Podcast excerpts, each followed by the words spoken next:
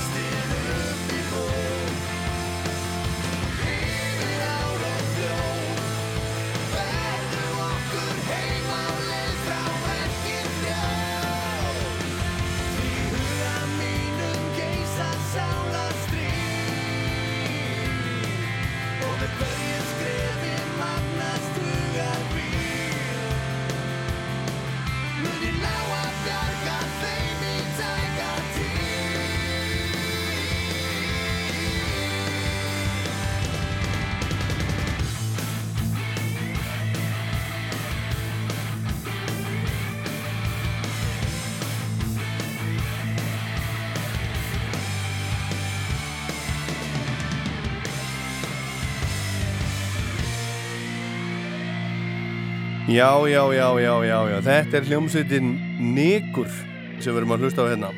Og þið heyrðu ekkert hvað ég var að segja hérna á hann það var hérna, það var smá bílun í gangi hérna hjá mér, ég ætla að byrja bara aftur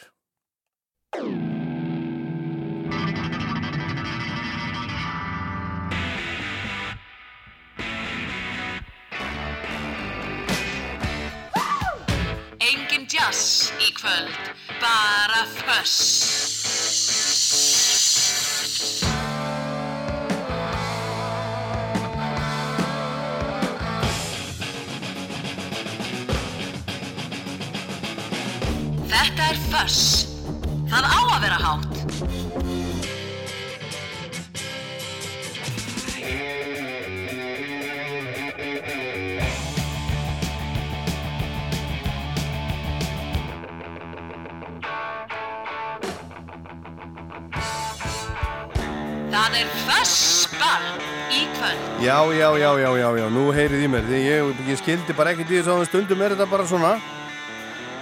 Ég er nú ekki alveg nýr hérna en ég bara það var bara, það var bara ítt hérna það var svona ég nefnum ekki að segja ykkur frá þessu smá drum en það er svona tölvuskjár fyrir fram á mig og þar var bara ítt á hlje og hlétakki þannig ég gæti bara ekki gert nokkuð skapaðan og botnaði bara ekkert í þessu og heyrðist ekkert í mér hérna á hann En komið þið sæl og blessu, ég heit Ólaður Pál Gunnarsson og þetta er þátturinn Föss og ég ætla að vera hérna með ykkur til klukkan 10 í kvöld og við fáum gest í heimsókn.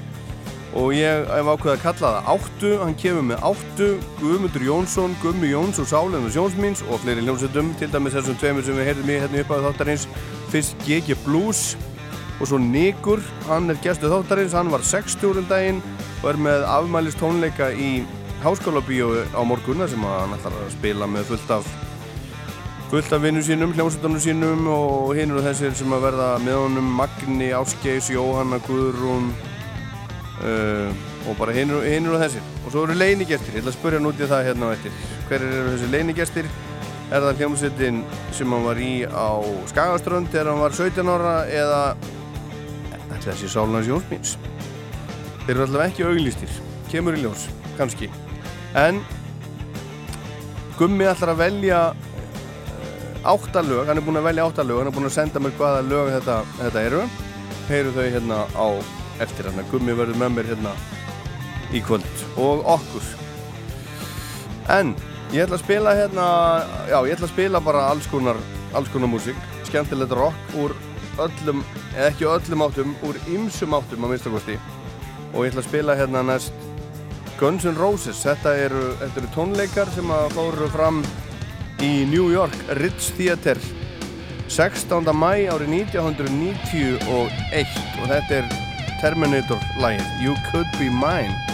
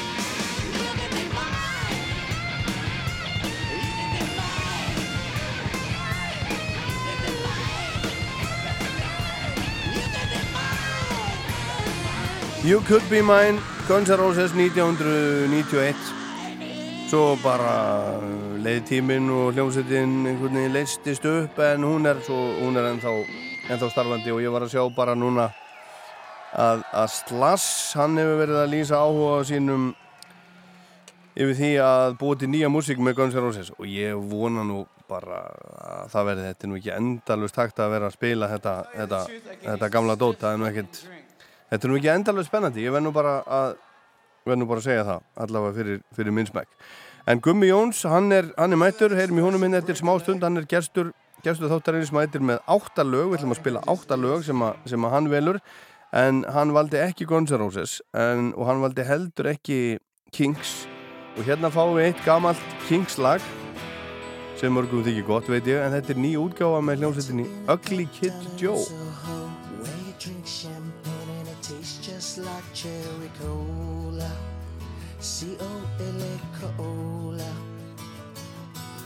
She walked up to me and she asked me to dance.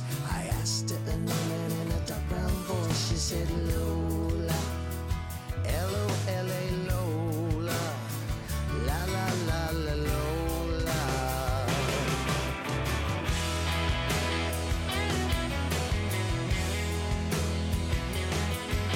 Well, I'm not the world's most physical guy.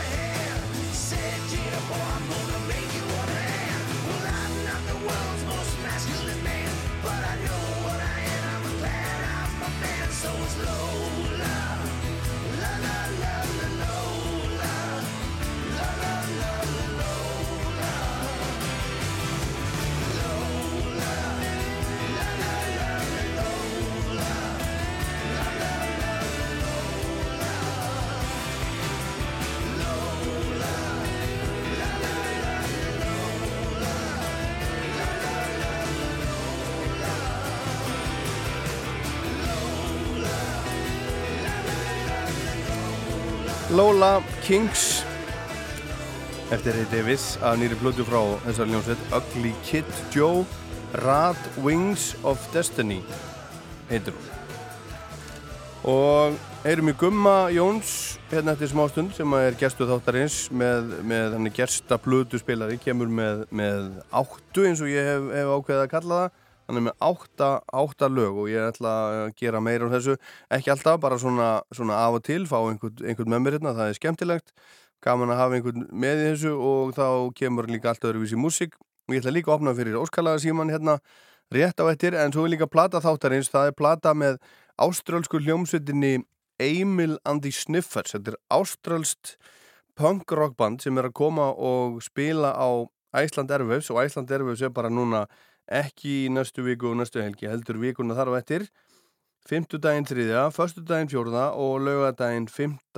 november næstkomandi Æsland Airwaves í Reykjavík Rock City og þetta er svona eitt af mest spennandi böndunum, eitt af því sem að mig langar mest að sjá. Ég sá þau einu sinni, ég sá þau spila á festivali í Þýskalandi, Reeperbahn sem er svona svipu hátíð og Æsland Airwaves í rauninni á Reeperbahnnanum í Hamburg og þar inn á, inn á mikilli rockbúlu sem að ymsar íslenskar hljómsveitir hafa spilað á á undanföldum árum sem heitir Molotov þar sá ég Emil Sniffers og ég hafði aldrei heyrt um þessa hljómsveit og, og sagði bara, ha, Emil hvað? Og, og hvað? Og hvað? Og mér fannst þetta alveg hrikalega hrikalega skemmtilegt, þarna er, er, er stelpa sem heitir, heim, heitir Emil, eh, ég veit allavega ekki betur. Og svo eru þrý stráka með henni. Og þau spila svona músík. Og platana heitir Comfort Me. Þetta er önnur plata þeirra kom á 2021 svo sett í fyrra, fyrir ári. Og þetta heitir Guided by Angels og uppháslag blötunar Eimilandi Sniffers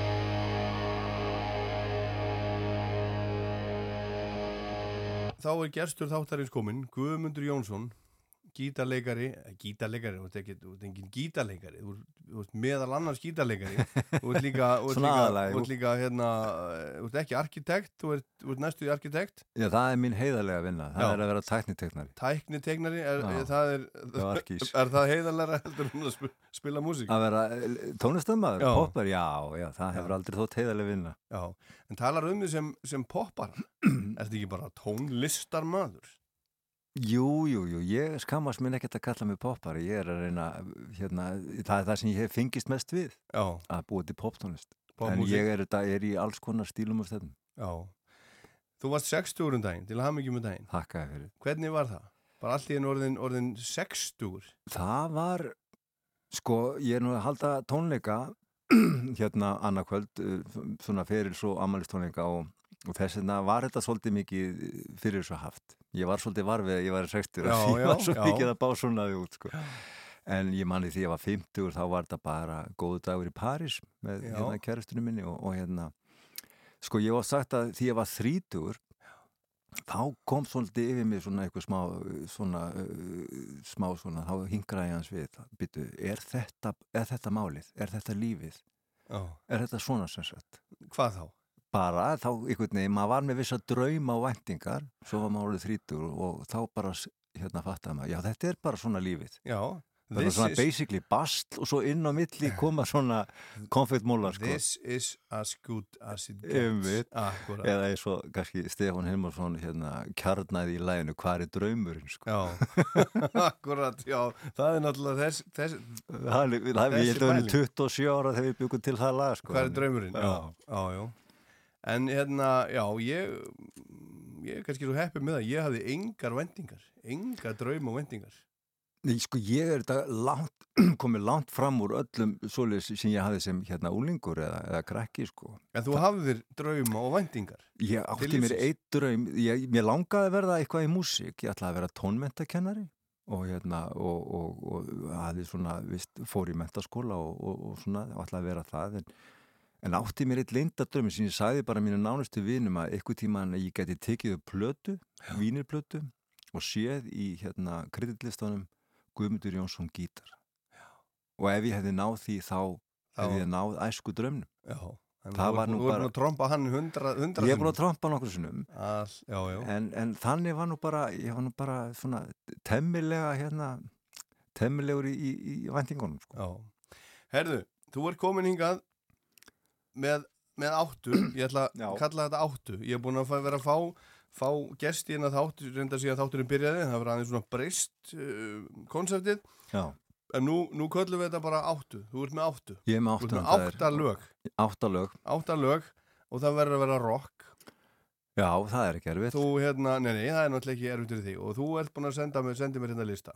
Góðu listi. Ef við tökum eitt lag í einu, Já, eins og, eins og í AA samtökunum það er bara eitt skref í einu eitt lag í einu og þú byrjar á, á sleit já Ég geri það út af því að Sleit var svona fyrsta hljónsveitin, fyrsta músikinn í listamenninni sem ég virkilega bara, þegar maður er 12-13 ára, þá er maður svo hrifnæmur og þá, hérna, og ég bara átti, eins og Björgvin Haldarsson sagði, ég átti allar kassina með. Já, já, já, já. Og í, Og- í raun og veru Í raun og veru, ég er ekki að djóka ég átti bara allar kassina, það var á þeim árum. Mm og uh, þá bjóð ég hérna fyrir Philips tæki, það var Sony tæki. Sony, ok. Sem hérna, ég bjóð þá Skagaströnd og, og hérna, og ég hlustaði á þetta alveg allan daginn á sleit þessar tvæð þrjá plötur sem voru komnar hann og, og, og ég segi ofta að ástæðan fyrir því að ég samti svo setna með lög eins og hvað er draumurinn og sódóma og svona melodísk svona rocklög, svona anthem eins og það kalla oft, sko, að það er bara því ég hlusta svo mikið á, held ég sleit sko, þeir áttu þetta common feel the noise og allt þetta, þetta var svona stuðstöf þetta var stuðband. Stu, Þetta er svona árásarrock. Já, svolítið, en sko þeir sem svona, þeir hafa nú aldrei verið í háum hafðir, þetta var svona glam rock og það er nú meira Bowie og Roxy Music sem er svona tekið út úr þeirri, Ég held að það sé nú alveg þeir eiga nú aðdáendur út það um var nú ekki fyrir en sko. Oasis fóru að- hérna Nei, nafngreina það sko. Enda hafa þeir sagt það, hérna Notti Holder, hann var að lasa hans fyrir daginn, hann sagði bara Oasis breytti öllu fyrir okkur. Já, og hérna sko þeir voru að gefa tónleika hérna plötur núna um daginn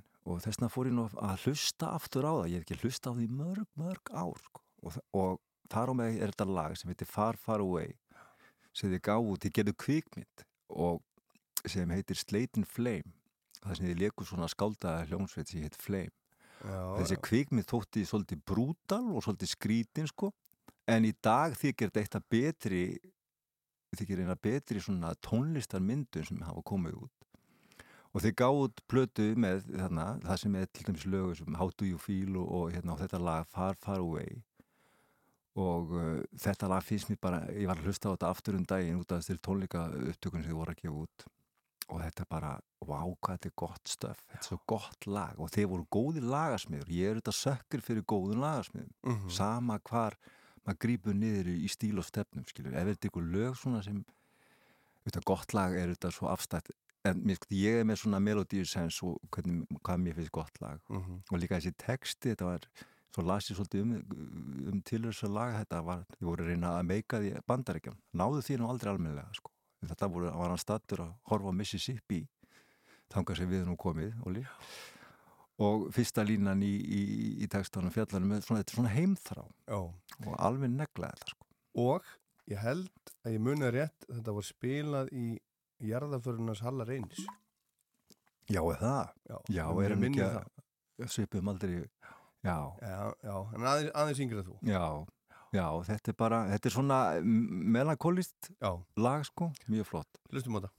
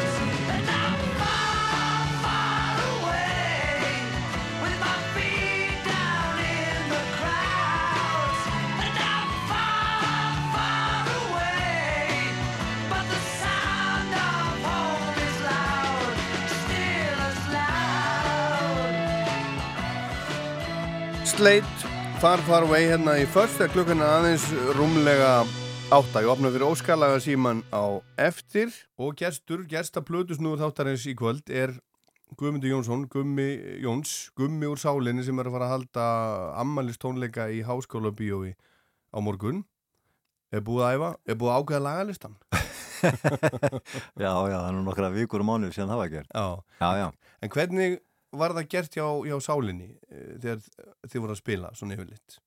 Segjum, að þið, já það er nú kannski, ég get nú kannski sagt mér þetta uh, sjálfur. Á, á balli var það kannski bara ákveðið rétt fyrir og tónleikar daginn úr sjötugum fyrr, þreymutugum fyrr. Nei, að svona, ég, það er sko tónleikar og ball runnu nú saman eitt hjá okkur veginn, sko, og við vorum alveg síðan 96-7, þá spilum við bara okkar eigið efni. mm Þannig að uh, ég gerði nú yfirleitt settlista og þú, já, þú var að fyrst þegar maður spyrja, inn að byrja, þá gerðum við ekki settlista, það var bara ákveð á staðnum. Ég byrjaði bara ofta á lögum eða við svona kinkuðu kolli og þetta var orðið svona, svona smurði vél, svo gerðum við settlista og þetta voru þetta svona helmingurinn kannski tíu lög sem við urðum að taka Mhm. og svo vorum við að rótira svona restinni, þetta voru, já, já þetta var svona 30 laga listi sko. En þetta var svona alltaf sama, svolítið, það voru nokkuð byrjunarlög sem voru í gangi og svona, mm svo þetta endaði á sódómið eins og alltaf. En það var ekki mikil, eh, mjög erfitt sko. nei. næsta lag Næsta lag er svo svo lag sem þú spila kannski annarkoð tátt hérna, en hérna, nei, ég gerði það ekki það ekki? Nei, en þessi hljómsveit aftur á móti, ég var að segja, sagði mig því bara í síðasta þætti, þessi hljómsveit er eiginlega svona, þetta er eiginlega svona hjartað í þessu þætti, Já, rock and roll. Já, það er bara ákvörða þannig. og sérstaklega sko gamla daga, Já, já. 70s, Sko, þetta er ACDC og þetta er lægi Back in Black og uh, þarna á þessum árum, þetta, þessi plata kom út 1980, þá var ég 18 ára. Og þá var ég að vinna í bakari og ég þurfti alltaf að byrja að vinna klukkan 4-5 á nóttunni í Björsbakari þar sem hérna Ingolstorga núna, þar var þetta bakari. Auðmingja, blessaðu pilturinn, Já, þetta var erfitt fyrir unga mann að vakna svona snemma. En hérna, hvað um það? en þá maður að vera sofandi á þessum tíma. Já, en uh, maður fórnar sér fyrir málstæðin að baka brauð og í borgarbúa. Og uh, á þessum tíma hlustu við mikið á á kanan þá var, uh, maður ekki hvort að rástöfa þá nýbyrjaði eitthvað svo lýsa og þá var bara, á nóttinni var bara eina sem var að hlusta á, á hérna út af það var ekki rástu, það var kom 83. Já, Þetta áttu að vita gummi. Ég mitt, ég byrst for lots en hérna kaninn var hérna og, og þar var þáttur eða, það var kannski á kvöldin meira svona já sem maður var að hlusta á þetta það var eh, þáttur svona tíuleiti sem spilaði þessa rockmúsík sem ég svolítið sem svona, eh, ég hafði ekki heyrt á þeir eins og bara Rush, Mm CC Top. Og öll þessi amerísku svona klassík rockbönd sem er í dag og þar með ACDC þegar Bon Scott var í bandir og svo kom Allur sá harmleiku þegar hann Já, dóblesaður já. og, og hérna Brian Jones kom í stæðinu og þessi plata, hún var bara algjör sprengja sko. Hún var það, þessi og, plata. og, og enn það dag í dag, ég var nú bara aðeins að hlusta yfir því ég var að velja dag í dag sko, og bara sándið og uh, þetta er bara svo mikið snild Geggjum plata. ja, geggjur plata, sko, enda er þetta bara einvinsrætt rockplata og verður það sko. hún seljast í skriljón Ég, ég verð bara þó að þetta er nú ekki snúast um mig, ég verð bara að bæta við, ég man eftir því þegar ég heyrði þetta fyrst og sá þessa blötu í á búð á Akranesi á kirkjubröðinu sem að hétt Portið Já, ég man þegar ég sá þessa blötu umslæð og held á því og horfði á þetta og svo þegar ég heyrði þetta í fyrsta skipti Mm. þú veist, intróið á læginu sem við ætlum að hlusta á mjög vel núna. Já. ég fannst þetta alveg geggjað. Ef að, skella þess á. Endilega. Og hlustum á byrjunum Hlustið á trommuleikaran hann er nú frægur í dag, Phil Rudd. Þetta grúf hann gerir ekki mikið en það er eitthvað eh, þeir sem kannski hafa að spila á hljófari og, og skilja hvað er meina með grúf gerir lítið en það er bara svo erfitt að gera mátulega lítið. Það er miklu erfið að spila lítið heldur en mikið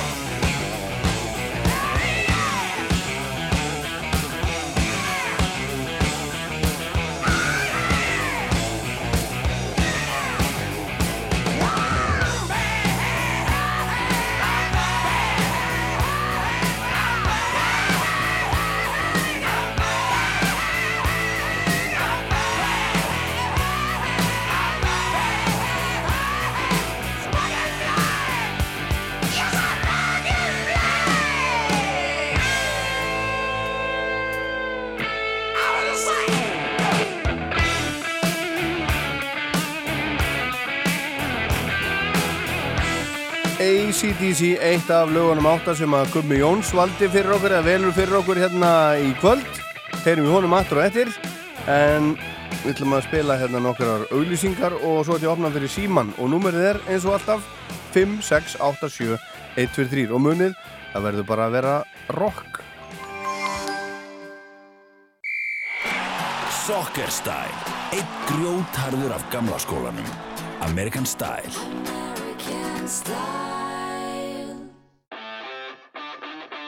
Fagfólk veit hvar Milwaukee á heima.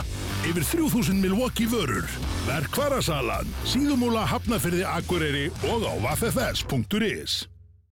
Nú vitund er að vera í augnablikinu, hvíla í aðstæðum. Það liðna er liðið og framtíðin hún, hún kemur.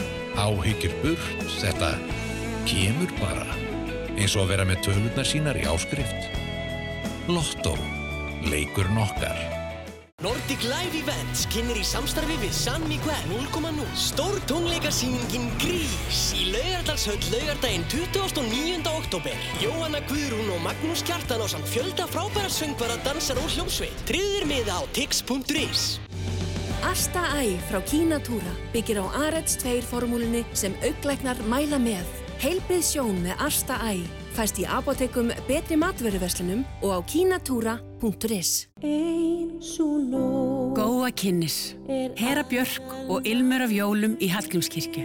Ég ætla að blása til glæsilegar tónlistaveslu í Hallgrímskirkju þann 20. desember.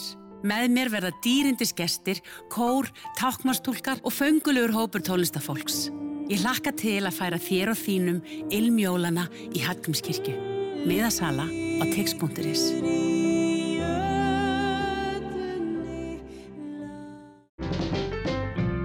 Okkar hlutverk er að tryggja verðmætin í lífi fólks. Við tryggjum allt sem skiptir máli. Vörður. Hjá Flugger færðu allt í málíkarverki. Flugger litir. Fljúðu á þægilegum tíma. Alla daga vikunar. Æslander. Kæru fóreldrar, langar ykkur til að gera eitthvað skemmtilegt með börnunum á aðvendunni? Þá er um að gera að koma í Gablaraleikúsið. Jól á náttfötunum. Ótrúlega spennandi og skemmtilega leiksýning með Gunn og Felix. Miðasala á tix.is. Hlökkum til að sjá okkur. Riksuguróbotar, skaftriksugur og handriksugur. Skoðaðu úrvalið í vestunum Elko eða á elko.is. Elko. Komdu í sund og skelltu þér á sapn í heilsubænum Hafnarfyrði. Við tökum vel á móti þér. Við erum að taka upp nýja sendingu í Veromóta. Nú má skoða alla vörurnar á veromóta.is. Veromóta kringlunni og Veromóta smáralind. Með skildu lífeyrissparnaði hjá landsbankanum getur þú valið hversu mikið fyrir séring. Kynntu þér sveigjanlegan skildu lífeyrissparnað. Landsbankin. Engin jazz í kvöld, bara föss.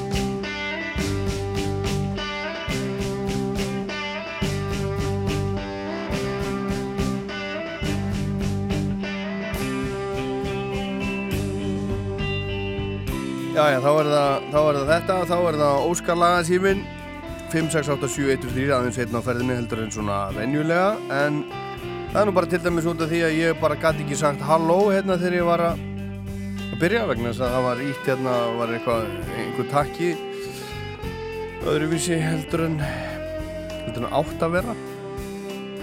Og ég fann bara ekki út í því, ég þurfti að ringi ég þurfti að ringi vinn, fá aðstótt en hérna ringja allar línur, það ringir hérna bara fullt af, fullt af fólki Halló Rás 2 Já, góða kvöldi. Góða kvöldi, hver er þar? Ja, ég heiti Gunnar Þorstensson, ekki á krossinum. Já En hefur þú farið einhvern tíman á sam, samkomu þar? Nei, ég hef nú ekki gert svo fræður, en ég hef hins vegar hitt Guðmund Jónsson. Þú er hitt Gumma Jóns Já, já, já. Já Ljómandi En hérna, ég, hérna, ég ætla að byggja um, hérna, eitt lag með Carl sem heitir Aphrodisiac Jacket. Hversu, lag, lag með köld Já, Já, hversu það heitir Aphrodisiac Jacket. Það er af Electric Blödu. Já, já, já, já, já, já, já, já. Akkurat. En ég hlusta líka á ACDC, sko, eins og þið. Já, já, já, það er hérna, já, já, Embrandi Blödu. akkurat, já, já. Herðu, ok, það eru fleira að ringja hérna, á ég ekki, á ég ekki að heyra, e- heyri einhverjum öðrum? Heyrðu endilega. Takk að þið fyrir að ringja, takk, takk fyrir, allt í á Já, takk fyrir, Bye. takk, takk, bless. Já, maður sjá, hérna, halló, hver er þar? Halló, Já, Svavar er ég. Þú veitir Svavar, já, Ringi úr Hafnafyririnum. Góða, sjáaþorpinu litla. já, Það akkurat. er sem ég kynni alltaf, ég kemur litlu sjáaþorpu utan á landi. Já, það er, það er hafnafjörður. Það er fjörðurinn fagri. Þú Það þekkir hann nú. Jú, jú, það var gott að búa í hafnafjörði, ég bjóð þar í átján ár. Það er gott. Mjög Ertu ennþá á skaganum? Já, já, já, já. Ekki núna samt. Já, já, ok. Nei, er ekki hérna núna, nú ertu í Já, efstaleiti. já, jú, jú, já, já. Þar er okk. Já, já, já, allavega núna. Já, mér líst vel á, sko. Já. Kvöldi byrja vel. Já, hvað, hvað ætlar þú að bjóða okkur upp á? Af Því þetta snýst um Herra, það, þú veist, ég- sællar að gefa en þykja. Já, Já. það er rétt. Já. Ég væri til í að heyra núna Led Zeppelin, Black Dog. Já. Mér finnst svolítið gott rock í því og hérna, já, og það lag kom upp í hugan. Alltaf því ég byrði móskalag á þér, þá kemur sérstakur maður upp í huga Já. og þá hugsa ég um sérstakar mann, sko. Veitu hver er það? Það er vinnur okkar heitinn sem bjó nálægt þess. Já. Sem bjóð Og nálægt það eru svona, þér segja, sko, bara, já, já, við hliðin á þér, sko. Og Nú. þá hugsa ég oft um svona gólu sem að sá maður hefði fílað í den og, og, og hlustaði á, sko. Já. Þannig að það er Black Dog í kvöld, ekki Doors. Ok, gott mál. Já. Ég held ég viti, ég held ég viti um hvernig þú ert að tala. En hérna, jú, herðu, takk kærlega fyrir að ringja.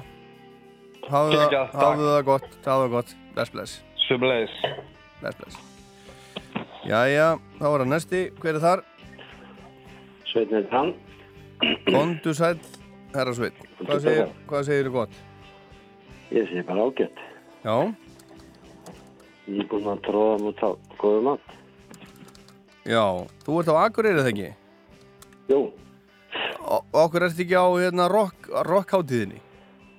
Um, já, það getur vel verið að ég fari bara morgun. En það er líka svaka prógram í kvöld. Já, já, það er tökkvöld. Þú getur, farið, þú getur bara farið líka á, á eftir, bara til dæmis núna, bara, bara Mm. á eftir. Eftir, eftir þá bara. Já, til dæmis. Það má alltaf hlusta á hana þátt, sko. Það, já, já. ha, en það er ekki alltaf, það er ekki samt alltaf, alltaf eitthvað við að hlusta á í beinni. jú, jú, þakkaði fyrir. Það er ekki alltaf eirarokk, sko. Nei, Ha. það er klart. Herðu, býtum við, hérna, hvernig er nú aftur hérna dagskráð, ég man þetta nú aldrei sko, ég ætla að skoða þetta, þetta er hérna, þeir voru nú í fréttunum á, Rökkvaldur Gáaði og, og félagar. Jú, og sömaliði.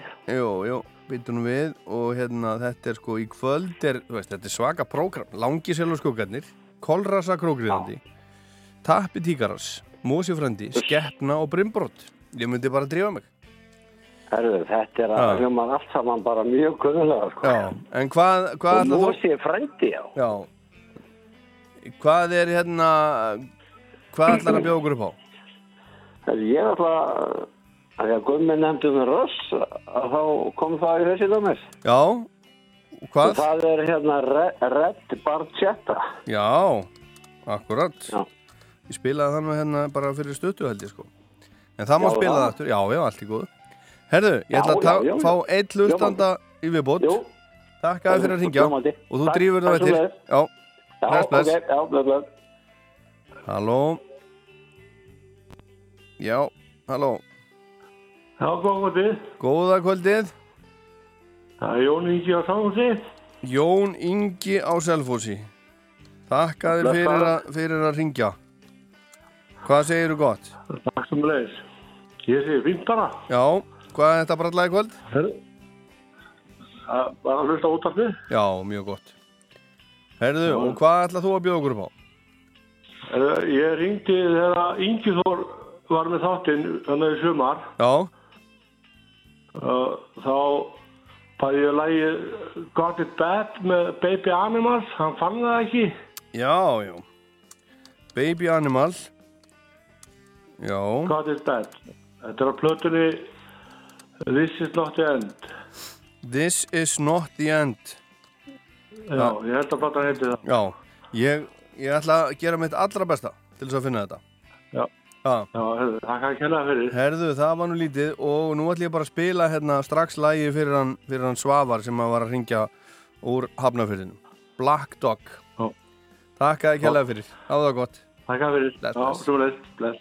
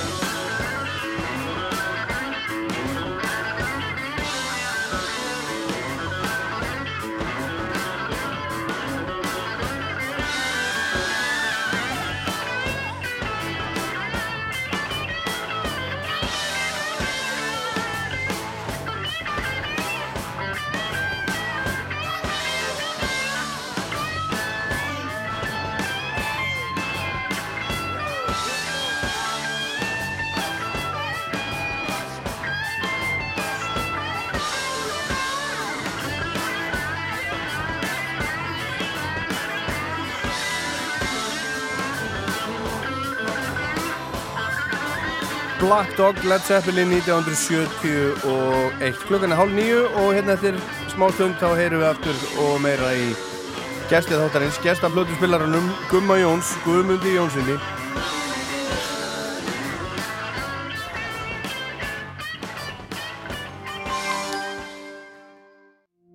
Er stressið að fara með þig? Hvernig væri að slaka aðeins á í fallegri náttúru fjarrri öllu amstri? Hótel Varmaland í hjarta borgarfjörðar. Rafvirki, rafvirki, ekoraf.is Grasker, nammi, skreitingar. Þú færð allt fyrir hrekkjavökuna hjá okkur. Krónan. Jesus Christ Superstar Í Eldborg 18. november Eithor Ingi Þór Breiðfjörð Ragga Grönda og fleiri á samt hljómsveit og kór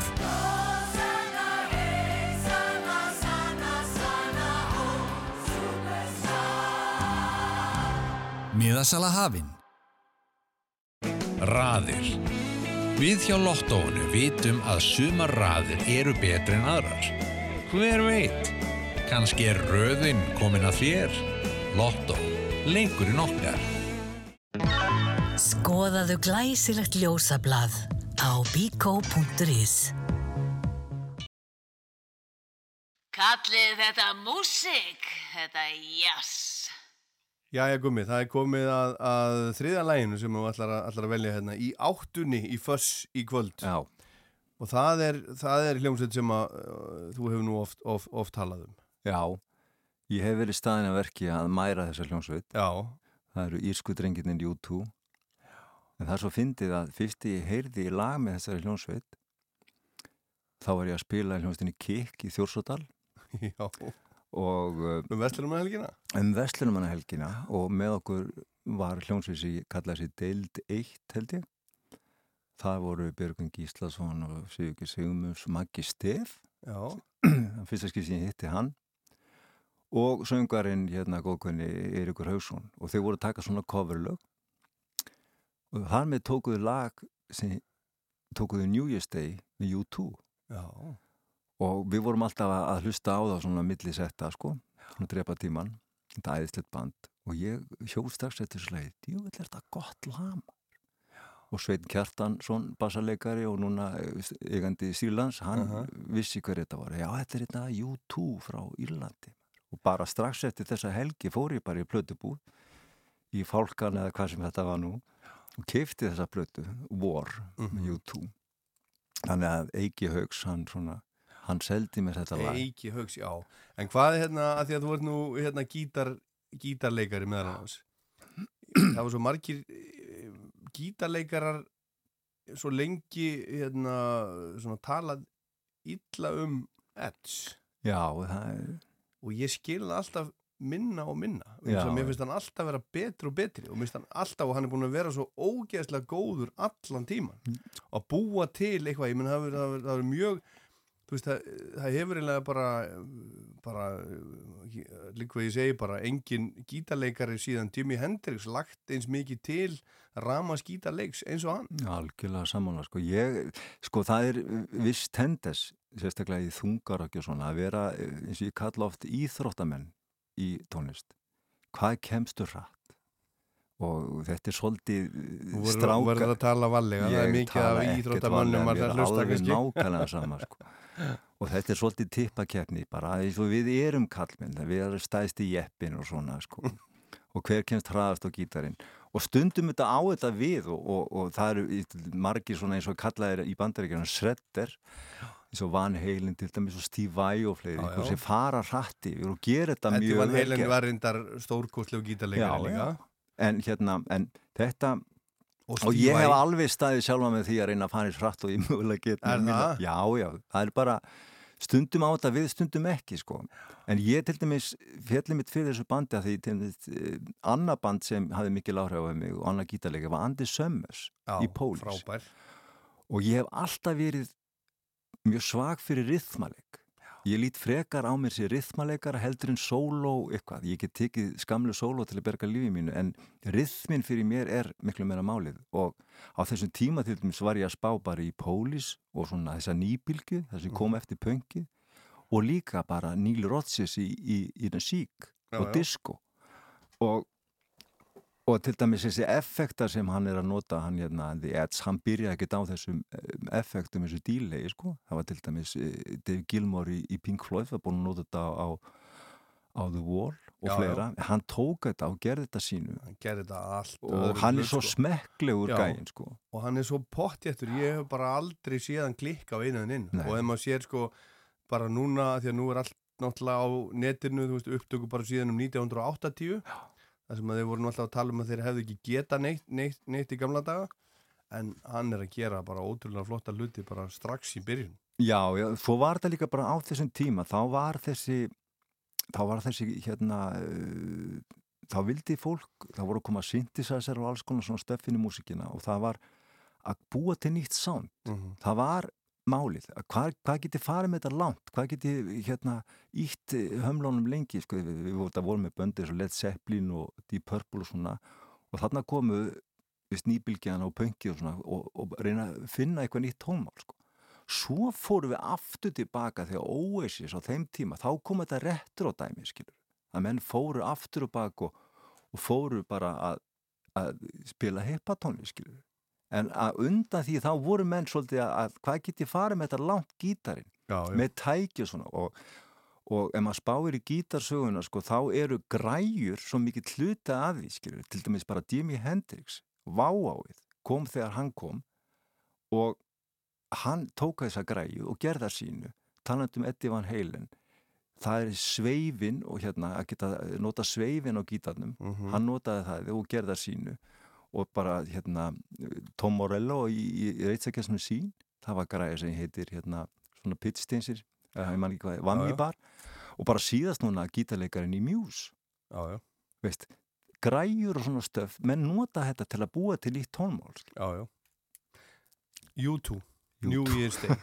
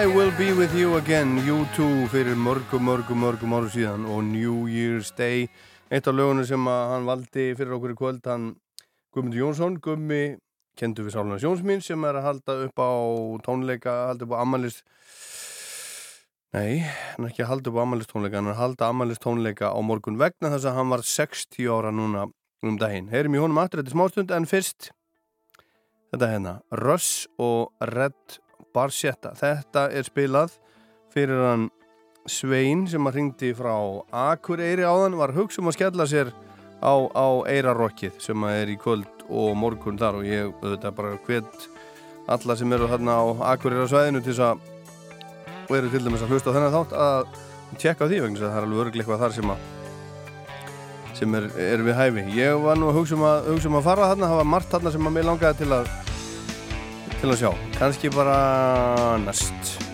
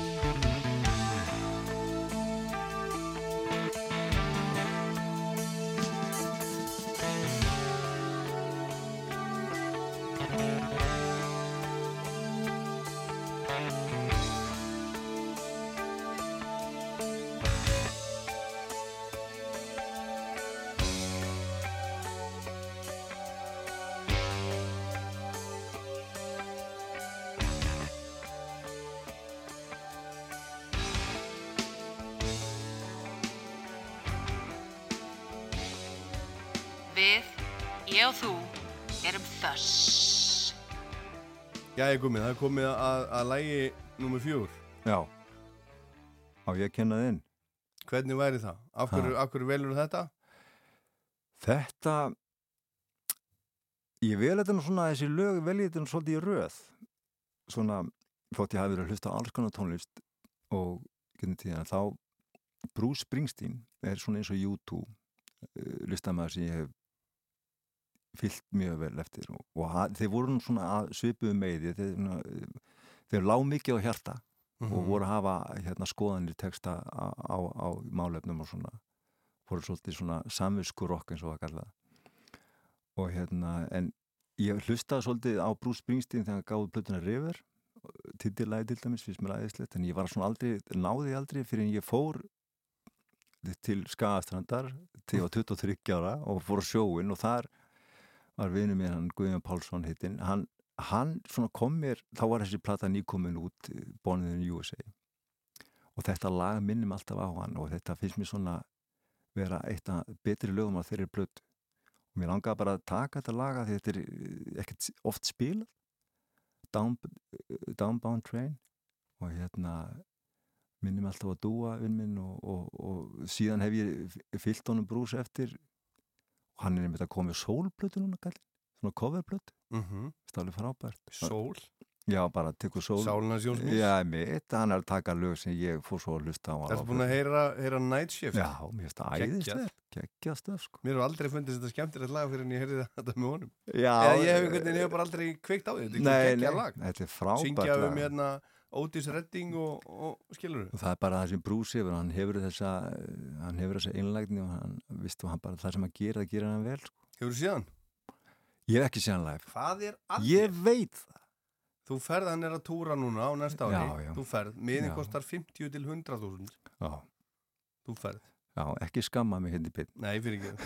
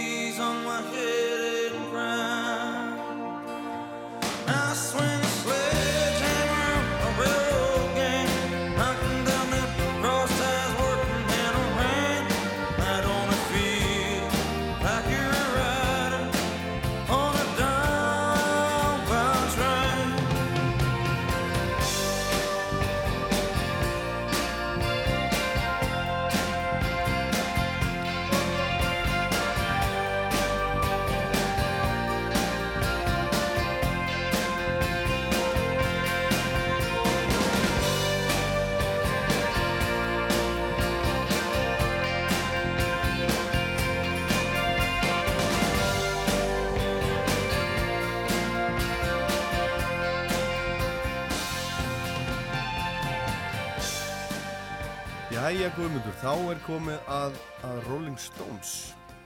Já. Ég uh, hafi nú ekkert kannski kveikt á því að þú væri mikill Rolling Stones maður. Já, það ekki? Nei. Nei. Og okkur hefur aldrei gert Rolling Stones lag? Eða hefur þú kannski gert það? Er til, til að kjafta frá? Já, sko, ég er nú í, í, í dúet sem heitir GG Blues og það er nú svona mín tilraun til að komast í þetta blues rock hérna ráa svona frumkraftin sem ég finnst alltaf hérna engjana Rolling Stones og hérna oft þegar ég var oft ég var að fara að spila á böllum eða tónleikum eitthvað svona og mér vantaði svolítið að svona sæka mig upp þá hlusta maður ofta á músika eða horfa á tónleika þá er alltaf Stones Já, það já. komið svolítið gýr Hefur einhvern tíma prófað að, að, að spila eins og Keith svona í e, er það í OPG? Já, ykkur tíma prófaði hérna ég hef nú þetta að spila Stones-músíku þetta, allir sem hérna læra gíta þeir þetta fara þangað ykkur tíma, sko. en ég hef ekki við mikið í opnum tjúningum Ef að þú spilar Rolling Stones ekki í opni G þá er það ekki Rolling Stones það vantar það vantar ég skal alveg kaupa það. Já. já. Það Ég vantar bara ég- hel- það vantar já, ég er heldur ekkert að gera mig út fyrir það að vera ykkur hérna, að kofera Stones Nei, ég menna, en þú veist, þetta er svo flott þetta er svo flottur effekt, þetta er svo flott sound og, þú, og, og, og hljóðfæri verður allt annað. En nú ætlum ég skora á því guðmundur. Áður en við heyrum hérna Rock and a Hard Place. Skora á því að þú, þú, þú tekkir á þessu prófur að tjúna gítarinn til og sér hvað kemur Ég hef út úr því. prófað þetta, kallið minn. og prófar hérna- þetta aftur, prófar Já, já. aftur. En það sem kannski ástæðan fyrir ég valdi nú þetta lag líka er að, að mér finnst svo oft í svo með Rolling Stones, ég er búin að vera svona ógeðslega lengi að það er alltaf verið að tala um hérna Exxon, Mainstream og þessa pl- plötur sem kom út hana. Já, þetta er geggjastöf. En svo er alltaf að vera að segja sko, svo hafa það ekki sami gott lag síðan. Jú, jú, einmitt. allt gott. Það finnst mér svo mikið bullshit. eins og með U2 Eins sittum við hérna tveir U2. gamli skókar Ég veit það. nýju plötunar eru fínar líka mjög fínar En til dæmis að þessum tíma, þetta er að plötunni Steel Wheels, þá hérna, mér fannst hún alveg æðislega. Sko.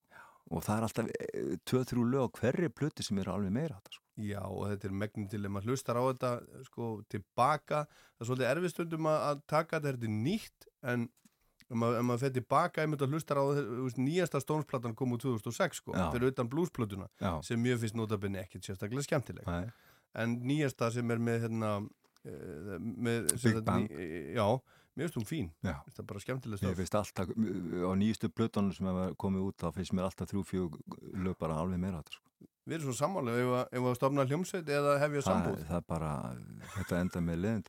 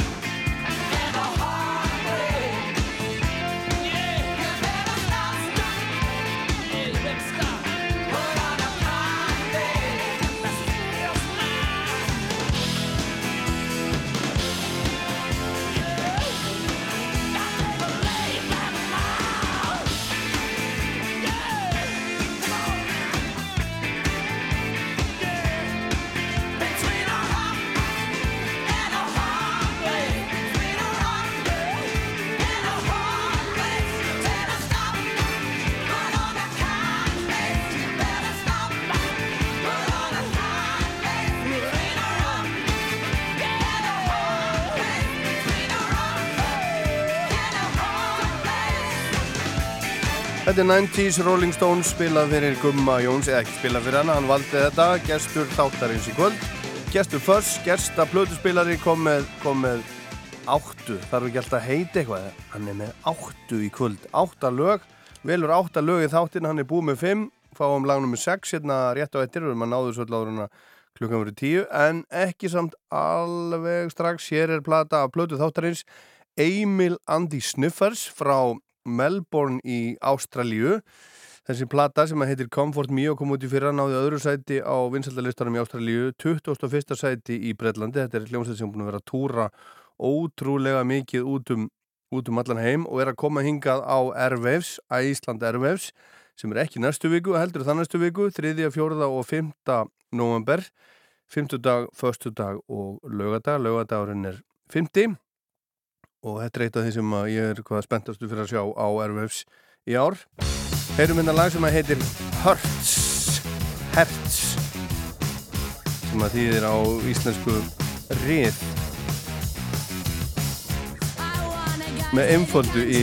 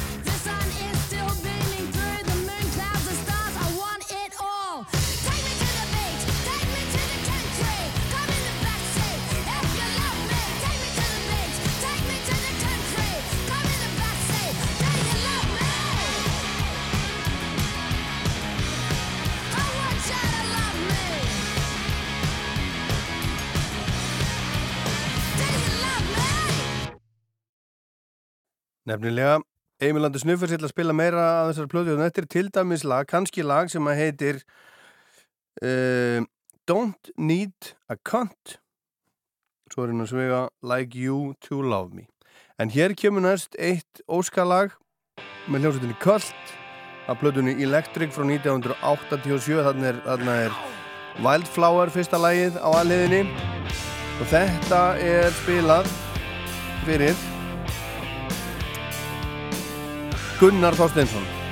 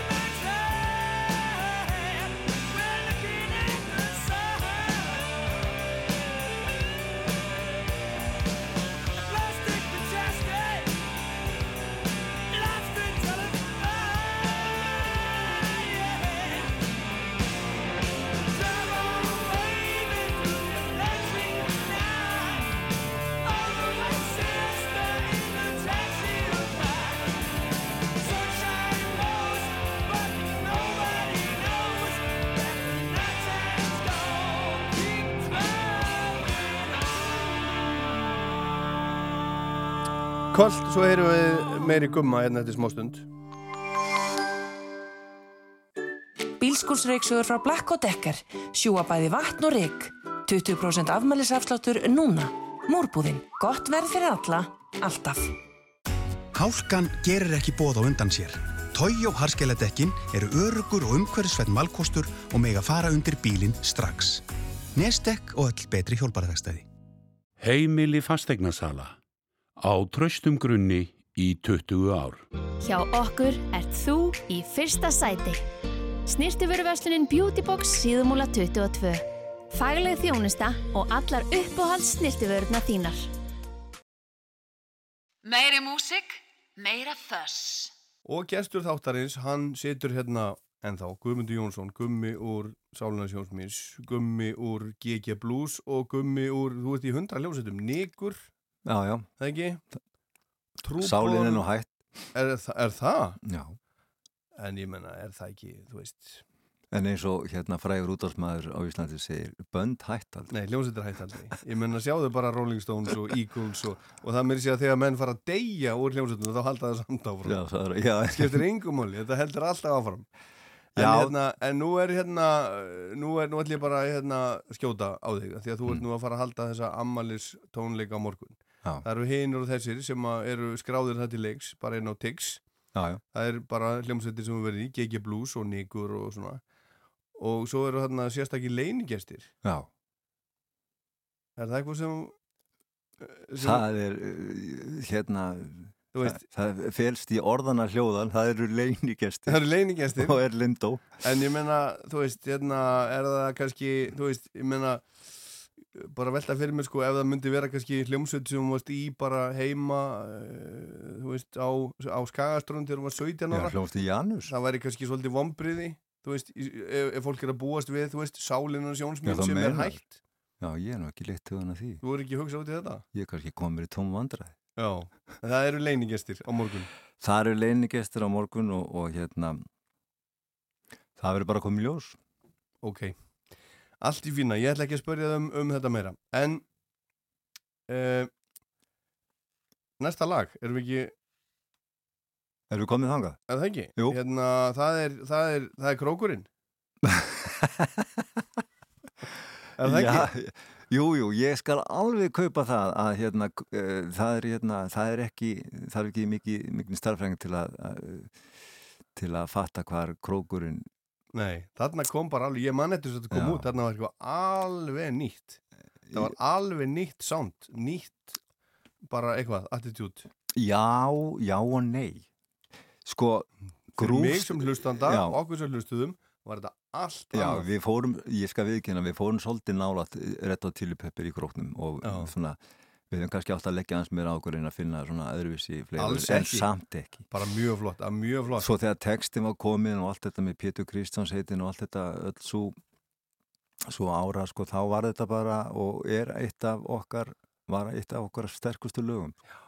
En hérna, en, en til dæmis, ég hef alltaf verið mjög svag fyrir groove rocki, ég man að ég- því ég var að beina þennan lista, sko, þá var til dæmis Aerosmith var svona Mhm. runs up hérna líka sko því til dæmis Walk This Way og svona og groove hef ég alltaf, hefur alltaf verið svolítið hérna nálat mér sko og til dæmis eins og Hvar er draumurinn það lag? Það var undir miklum áhrifum frá bandi sem heitir Living Color Já, já Það sem var notað þetta er þessi fönggítar og overdrive gítar og þetta stöf og þetta var líka það sem er hérna Red Hot Chili Pepper gerðu. Þeir komið föngið eða með þetta rock attitude, þetta Já, punk attitude Þetta er bara ein, einfaldgummi það bara Ef það vantar grúf Já.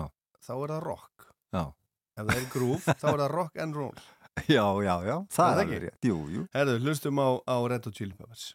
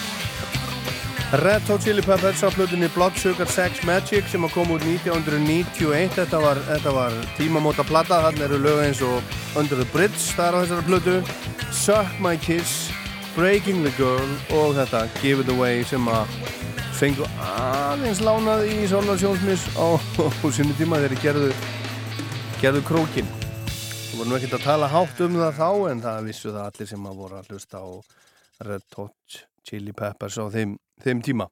En þessi plata, þetta er bara eina plötum ásins 1991 og þarna er, er með þeim upptökustjórin Rick Rubin sem er svo búin að gera ótrúlega margt, hann er, hann er til dæmis á sem að gerði þættina með, með uh, Paul McCartney sem þau voru að tala saman.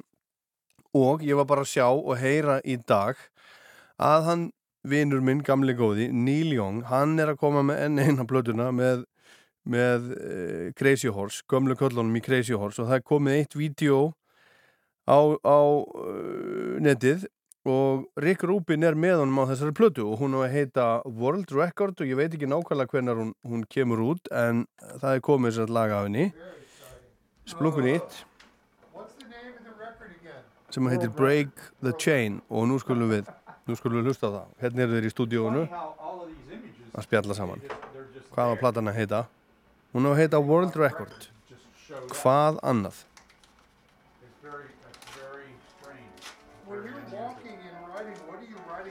Þetta eru gamlir menn sem eru, sem eru að gera sig klára í stúdiói. Þetta eru menn sem eru bara kominir hátt á áttræðis áttræðisaldur. Það er bara, bara svo leiðis. Þetta eru Neil Young, Billy Talbot á bassa, Ralf Molina á trommur, tók eins og síma við alveg hann fyrir Rockland, mjög skemmtilegur og Nils Lofgren spilar hérna með þeim á, á hinn hin gítarinn Fyrst var það Danny Witten í gamla daga, svo dó hann, þá kom Frank San Pedro, eða Poncho eins og hann er stundum kallaður. Og svo er Nils Lágren, hann er búin að vera komin aftur í bandi. Hann spilaði með Níl fyrir, fyrir hálfri öld og, svona, og á og til síðan og er komin sér þetta í Crazy Horse núna. Fullgildur meðlimur. Og svona hljómaðir þessir, þessir gömlu, gömlu skungar, veðurbarðir, háaðansegir sköllóttir og allavega. Break the Chain Splunkunýtt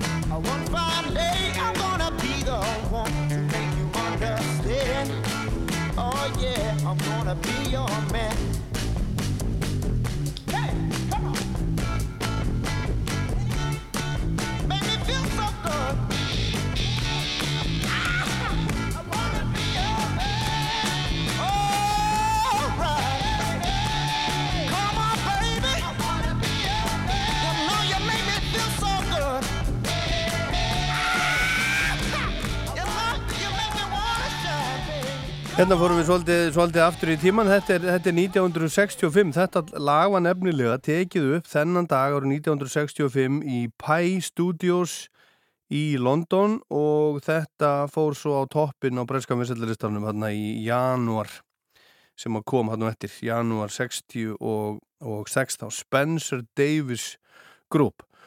Og svo 30 árum síðar, þennan dag árið 1995 þá var Billy Joe Armstrong sem er söngvari og gítarleikari í, í hljómsveitinni uh, Green Day hann var hann var uh, sektaður. Hann var nefnilega með, var með vesen eða vesen, hann var bara á tónleikum og var í stuði og, og uh, girti niður þessu buksurnar svolítið, síndi fólkinu á sér aftur endan múnaði eins og, eins og það heitir og það er náttúrulega bara alveg stór hættulegt að gera það hann var sektaður um 141 dollara, hann var á tónleikum í Milwaukee í bandarækjunum Rocksti og hann Do you have the time to listen to me whine about nothing and everything all at once?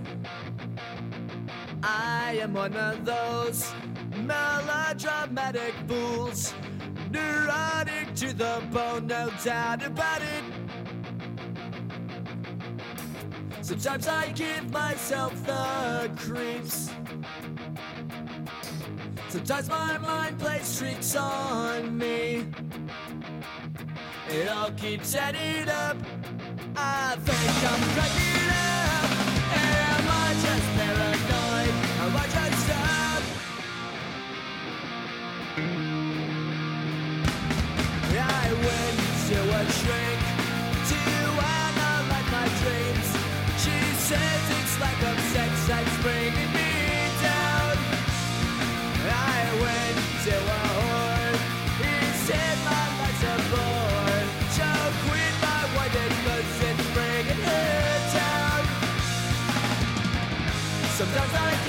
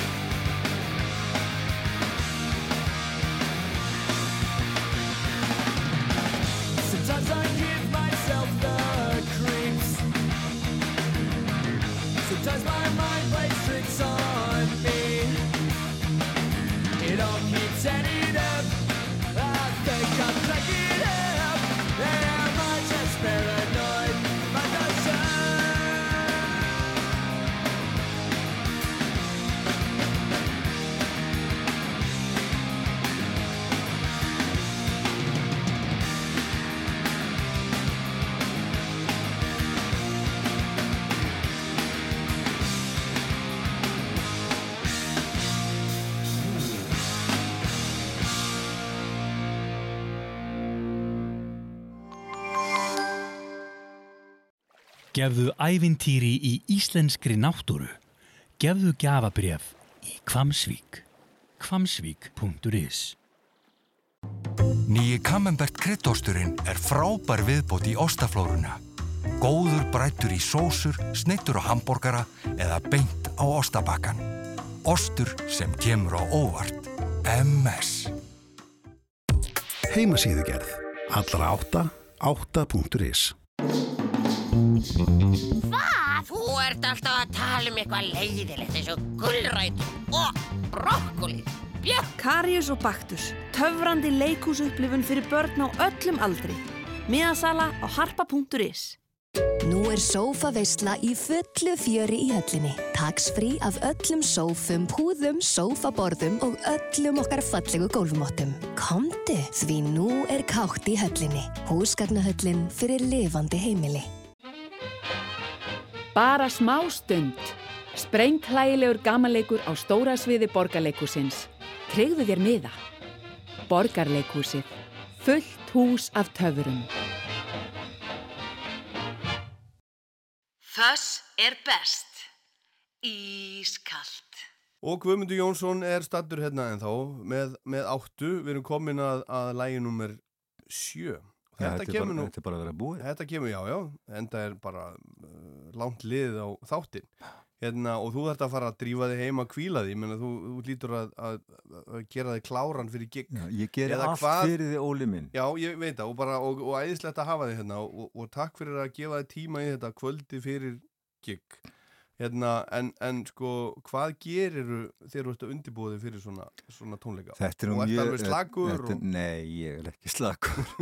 ég er eiginlega slaka á að tala við þig. Já, gott, Það er gott. bara takk gott, fyrir aðeins að rýfa mig úr þessu. Því, nei, þetta er alls ekki mér eðlislegt að vera svona, hérna, miðdebill í þessu öllu saman, sko, og hérna... Og það tók mig smá tíma að kýla á þetta, að vilja gera það. En Mhm. þetta er bara eitthvað sem ég ætla að að leysa. Já, en ok, hvað gerir þú svo á morgun? Á morgun vaknaði snemi fyrir múli fyrir að róta. Já, þú þarfst að róta sjálfur? Já.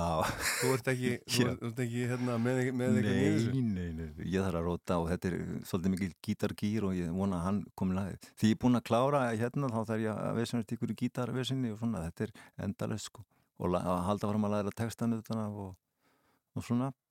En minna, þetta er bara hlutið að vera tónlistamæður ekkert að ég er búin að gera þetta í Já, já, þú ert með æfingu í þessu. maður er bara svona en, svolítið áhlaup svona þegar já, kemur þessu. Já, og þú átt náttúrulega textana í flestum tilfellum, ekki það? Nei, ekki sálar músikinni, sko. Nei, Pítu, eru er við að fara að spila einhver sálarlögumorgu? Já, þú átt Já, náttúrulega svo mikið ég er að taka, sko, helmingin af æfinni hef ég verið í sálinni. Já. og uh, megnið af þessu sem ég ætla að spila á þessum tónlingum þetta er sálatónlist. Mm -hmm. með Sáliðans Jónsmjús og þar voru Stefán Hilmarsson og Fríðrik Sturluson Já, já, að sjálfsögðu. Og, byrju, og þú, þú ert að fara að syngja eitthvað af þessu sjálfur? Ég ætla að syngja Er eitthvað? Já, Já. já, ég er með hérna Jóhannu Guðrunu, Magna Áskeis og Sverri Bergmann, Ölmurud og svo er Nikur og Gigi Blues. Já, þannig að þau eru að fara að syngja sálarlögin en ekki þú. Ekki, nei, vá Vá, já, já, já. Ég, Ég, hef ok. aldrei litið á mig sem góða söngum Ég skamar að syngja, en ég Já. er ekki góða söngur Jú, þú ert bara fýtt söngvari. Æ, Takka þið fyrir. Bara hættu þessu röfli. Þú ert, ég menna, þú ert kannski ekki jafn góður söngvari og Stefán Hilmarsson, skilur þú? Nei. En mér finnst þú fýtt söngvari Já, og, ég, hérna og, og mér finnst þú svo oft svo, svo hérna, skemmtilegir söngvari sem eru kannski ekki endilega bestu söngvari Nei, saði maður sem elskar Neil Young. Já, ég menna hann er alveg kjörið dæmi ég, ég sá Bob Dylan í, í síðustu viku. Já. Hann er búin að syngja eins og geit alla tíð Já. Guði sér lofherri þessa tvo listamenn þeir hafa hjálpað okkur hérna sem er ekki fættið með fallega rödd sko. að hérna, maður getur bent alltaf á það fallegar. Sko, ég er- kaupi þetta alveg eins og ég gaf nú þrjár sóloplötur og svona og ég hef sungið hellingadóti skilur og hérna og ég, þá ger ég þetta mynd með þessu formerkjum að það er bara ég lagasmiðurinn að syngja mitt eigið stöf sko og mér finnst gaman að syngja það máli og mér er svona ég fann að venjast í miklu betur og ég er miklu betur söngvari eftir því ég ger þetta meira skilur Bara fín, hann þóttir nú ekki fín uh, söngvarinn þannig lagað sem ætlar að syngja fyrir okkur næstíðasta lagið, sjöfunda lagið. Nei, Hérna Back in the Days. Nei. Hetfield. Já, Félstu fyrir þeim strax Metallica? Nei, alls ekki, ég Nei. gerði það ekki og hérna, ég man að ég var að vinna í plötubút kringu 90 þegar ég voru að koma hérna, þá var ég að vinna í skífunni manni og þá voru inn ungir, bólugrafnir, úlingar og báðum Metallica. Og það var bara annarkur hérna kunni sem var að byggja um þetta band. Og þá voru þau búin að gefa út held ég Master of Puppets. Og ég var einmitt að spá í hvað er þetta band sem allir strákar og stelpur líka er að, er að þetta ung, ungvið er að teka og ég hlustaði á þetta stöf og ég náði ekki alveg þá.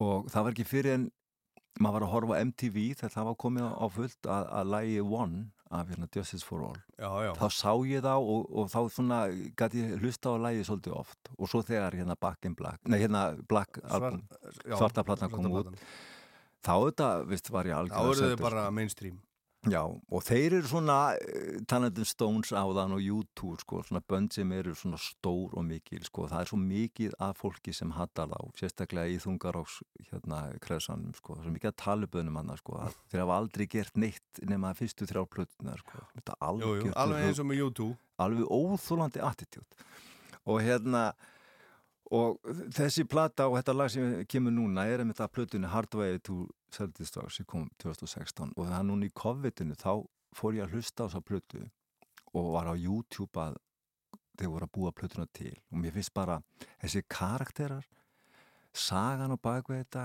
það er, þið byggu til líku við eh, tónlistastefnu bara einarðir kildu þetta áfram og það er búið að ganga á svo mörgu og þeir eru bara svo æðislega live sko og talandu rithmagítalegara ég var búin að segja hérna á þann að ég er svona sökkar fyrir góðum rithmaleg sko. Hægri hendin á skilur. Hún er hún er ekkit grín ég Veist, ég, þegar maður hlustar á þetta hann hlýtur að gera upp og niður með nöglega, nei, þetta er alltaf eins og kallaði downstroke skilur ég, bara ég er svolítið tæknilegur núna fyrir gefið Nei, nei, þetta en gaman. sko þetta er alveg með ólíkindum og, og, og riffin sko eins og hérna Keith Richards aðeins nú í þætti sem var mynd síndur hérna á Rúf veist, jú, jú, það er að sóló kom að fara Já. en riffin þau Lifa. þau lifa og að gera gott riff. Já. ég er líka mjög hrifin að því að gera gott riff. Og eitt frægasta hérna frægasta músík sem kannski á eftir að lifa þegar ég gesp á gólinu það eru þess að þrjá nótur sem sótuma byrjar á, það er bara riff skilur, þótt að sé ekki eitthvað svona læti skilur, en þetta er bara það sem að reyna að ná í sko. og þessi plata fyrst mér alveg frábær þetta í Hardwire og, og þetta lag hérna Moth into Flame sem fyrir að hérna, yrkja um þá sá hann hérna heimildamindi með Amy Winehouse og textin fjallar um það og hérna í kjölfarið af því ég var að hlusta á þessa plötu þannig í COVID árunum þannig að tveimur þá bara langaði mig að fara að spila rock aftur svona þungt eða hart og, og við tókum, byrjum að spila saman aftur í nýkur og fengum makka stefi bandi og svona og, og erum að gera núna þriðju plötuna. Út af þessu og ég bara, mér finnst þetta ég hlusta rosa mikið á þungaróttuna miklu meira. gott. og veist að ég, ég er ekkert að línast með árunum, ég er að þingja sko, það er bara með sukka og svona sem ég maður að detti inn í svona starffræðarokk líka sko, svona progstöf sko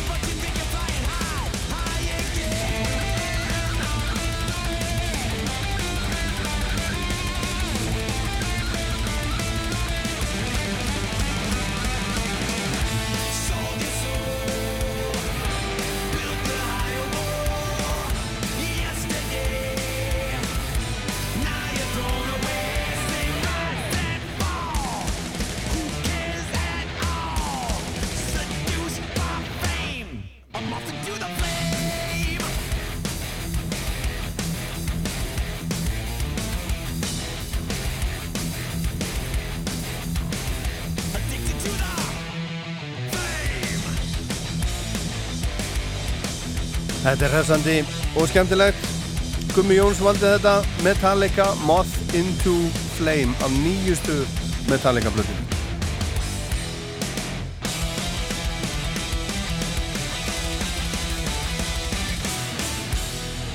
Og meiri músík, meira först, þá er komið að þrið og síðasta læginu sem við heyrim í kvöld að blödu þáttarins Comfort to Me með áströlsku sveitinni Emil and the Sniffers sem er að koma til Íslands og spila á Æsland Airwaves eftir bara eftir rúma, eða já, já eftir tvær vikur, þetta er 15 ár, 1. dagur og lögandagur og ég er ekki búin að sjá hvenar hljómsveitin spilar, en Airwaves er allavega þessa daga, 15. og 1. dag og lögandag eftir hálfan mánuð og þetta lag heitir Don't Need a Cunt Like You to Love Me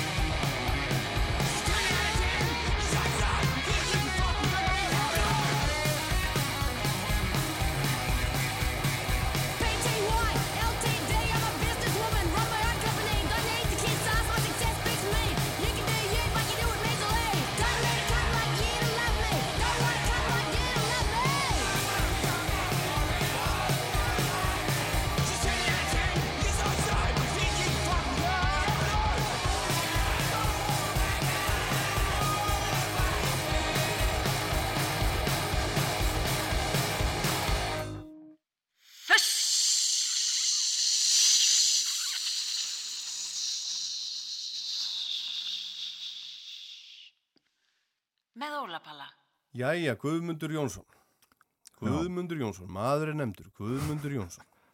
Hérna, það er komið að, að síðasta læginu og svo bara ferð þú heim að sofa og Já, hvílir þig. ég skal- ég skal gera það Sefur semilið nótt heldur Nei, þetta verður Er það?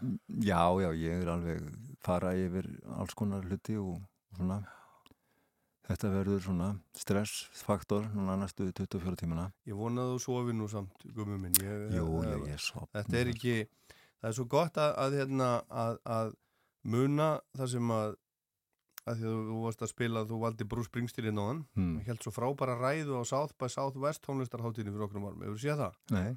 Hún er Algjörlega frábær, hún er á YouTube, googlaði það það sem hann talar í klukkutíma og, og endar svo á einhverju svona þú veist, hérna um, taki, já, takið þetta mjög alvarlega Mhm.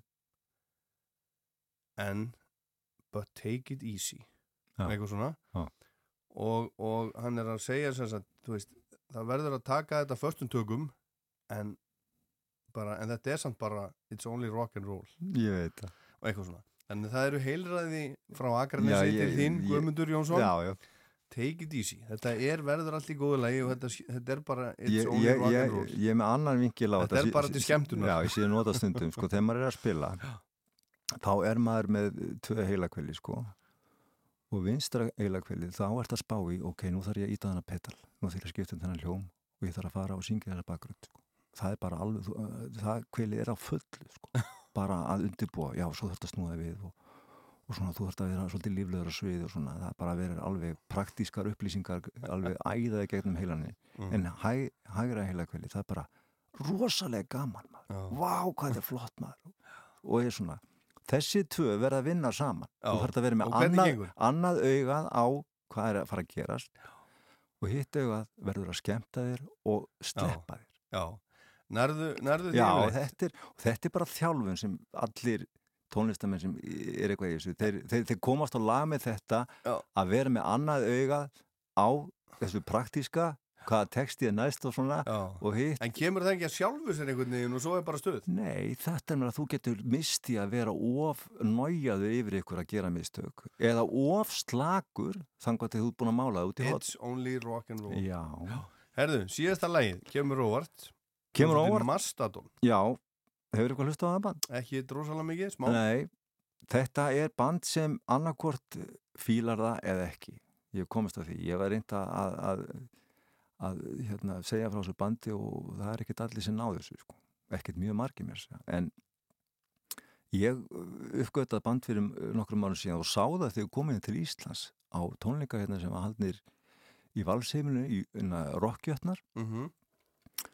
Og það er eitthvað við þetta band, það er eitthvað kemistri þetta er svona, kallað progmetal sko og þeir gáðu plötu núna einmitt fyrir í fyrra sem heitir uh, Hust and Grim þeir mistu umbóðsmannin sinn sem hérna hafi verið þeim bara 50 meðlumurinn í bandinu og, og, og þetta er tvöfald plata mjög löng og gáðu út, út og, og þetta er gæðin sem fara sína leiðir þetta er eins og með Metallica sko, þeir, bara, þeim er alveg nákvæmlega sama ef þið fíla þetta þá er bara farið all in skilur en þetta er alveg meira átt að band og hefur haft mikil áhrif á mig. Eitt skemmtilegt að sem ég hlusta bara mjög oft sko. og þessi plata finnst mér alveg sjúk. Og síðustu þrjá plötunar sem þeir hafa gefið út finnst mér mjög góðar.